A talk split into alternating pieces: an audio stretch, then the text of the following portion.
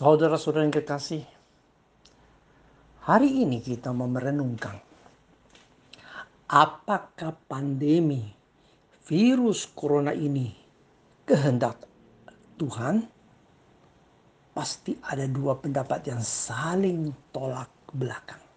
Ada yang menolak, ada pula yang mendukung. Mayoritas orang menolak pengaruh pandemi virus corona sangat dahsyat dan sangat luas. Hanya dua bulan saja telah sampai seluruh dunia. Sekalipun persentase meninggalnya tidak terlalu banyak. Tetapi pengaruh negatifnya sangat mengerikan.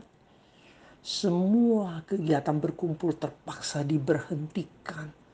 Maka bekerja di rumah saja, bersekolah di rumah saja, beribadah juga di rumah saja.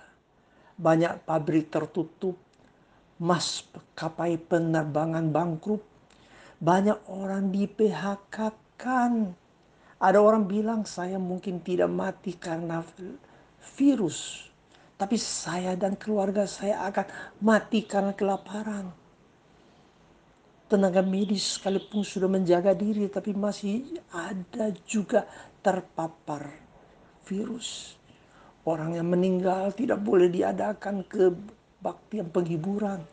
Jenazah langsung dibungkus plastik, dimasukkan peti khusus, langsung dikuburkan. Sungguh sangat mengenaskan. COVID-19 ini adalah musuh kita bersama. Saudaraku yang kasih, sudah pasti bukan kehendak Tuhan. Demikianlah pendapat yang menolak. Saudaraku yang kasih, bila kita tetap bertanya apakah COVID-19 ini adalah kehendak Tuhan atau bukan, ada-ada saja orang mengakui bahwa pandemi ini adalah kehendak Tuhan untuk menyadarkan manusia. Kini dunia hampir kiamat. Semua orang harus berjaga-jaga dan bertobat. Semua hal yang terjadi di dunia ini adalah kehendak Tuhan. Tuhan mau memakai wabah untuk menghukum yang jahat sekalipun akibat virus corona ada yang negatif. Tetapi juga banyak yang positif. Semua orang harus stay at home. Ini sangat indah. Udara di dunia ini sudah mulai lebih bersih. Coba lihat di kota Jakarta tidak pernah ada gubernur yang sanggup membuat langit jadi biru. Sekarang, langit di Jakarta tidak kalah dengan langit biru di Bali. Semua yang terjadi di dunia ini diatur oleh Tuhan. Maka wabah virus corona adalah kehendak Tuhan. Oh saudara-saudara yang kekasih, janganlah kita rasa bingung Marilah kita baca Roma pasal 12 ayat 2. Sudah jelas sekali ada jawaban tentang kehendak Tuhan. Janganlah kamu menjadi serupa dengan dunia ini. Tetapi berubahlah oleh pembaruan budimu sehingga kamu dapat membedakan manakah kehendak Allah. Apa yang baik, yang berkenan kepada Allah dan yang sempurna.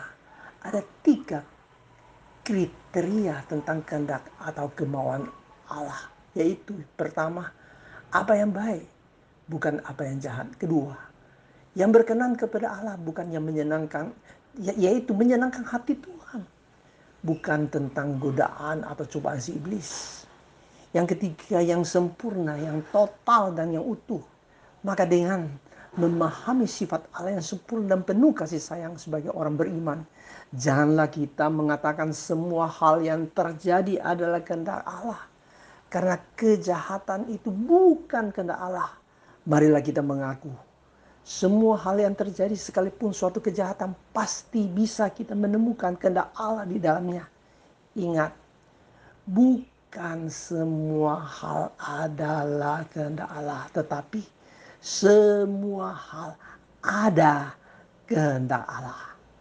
Kesimpulan kita janganlah kita bertanya apakah wabah virus corona ini kehendak Allah atau bukan Jangan pula kita ngotot berdebat bahwa pandemi virus corona adalah kehendak Tuhan. Kehendak Allah adalah untuk kita melakukan apa yang baik dan menyenangkan hati Tuhan. Bukan kita, bukankah kita adalah duta damai secara Tuhan. Maka selama wabah virus corona ini berlomba-lombalah berbuat baik dengan tulus. Amin.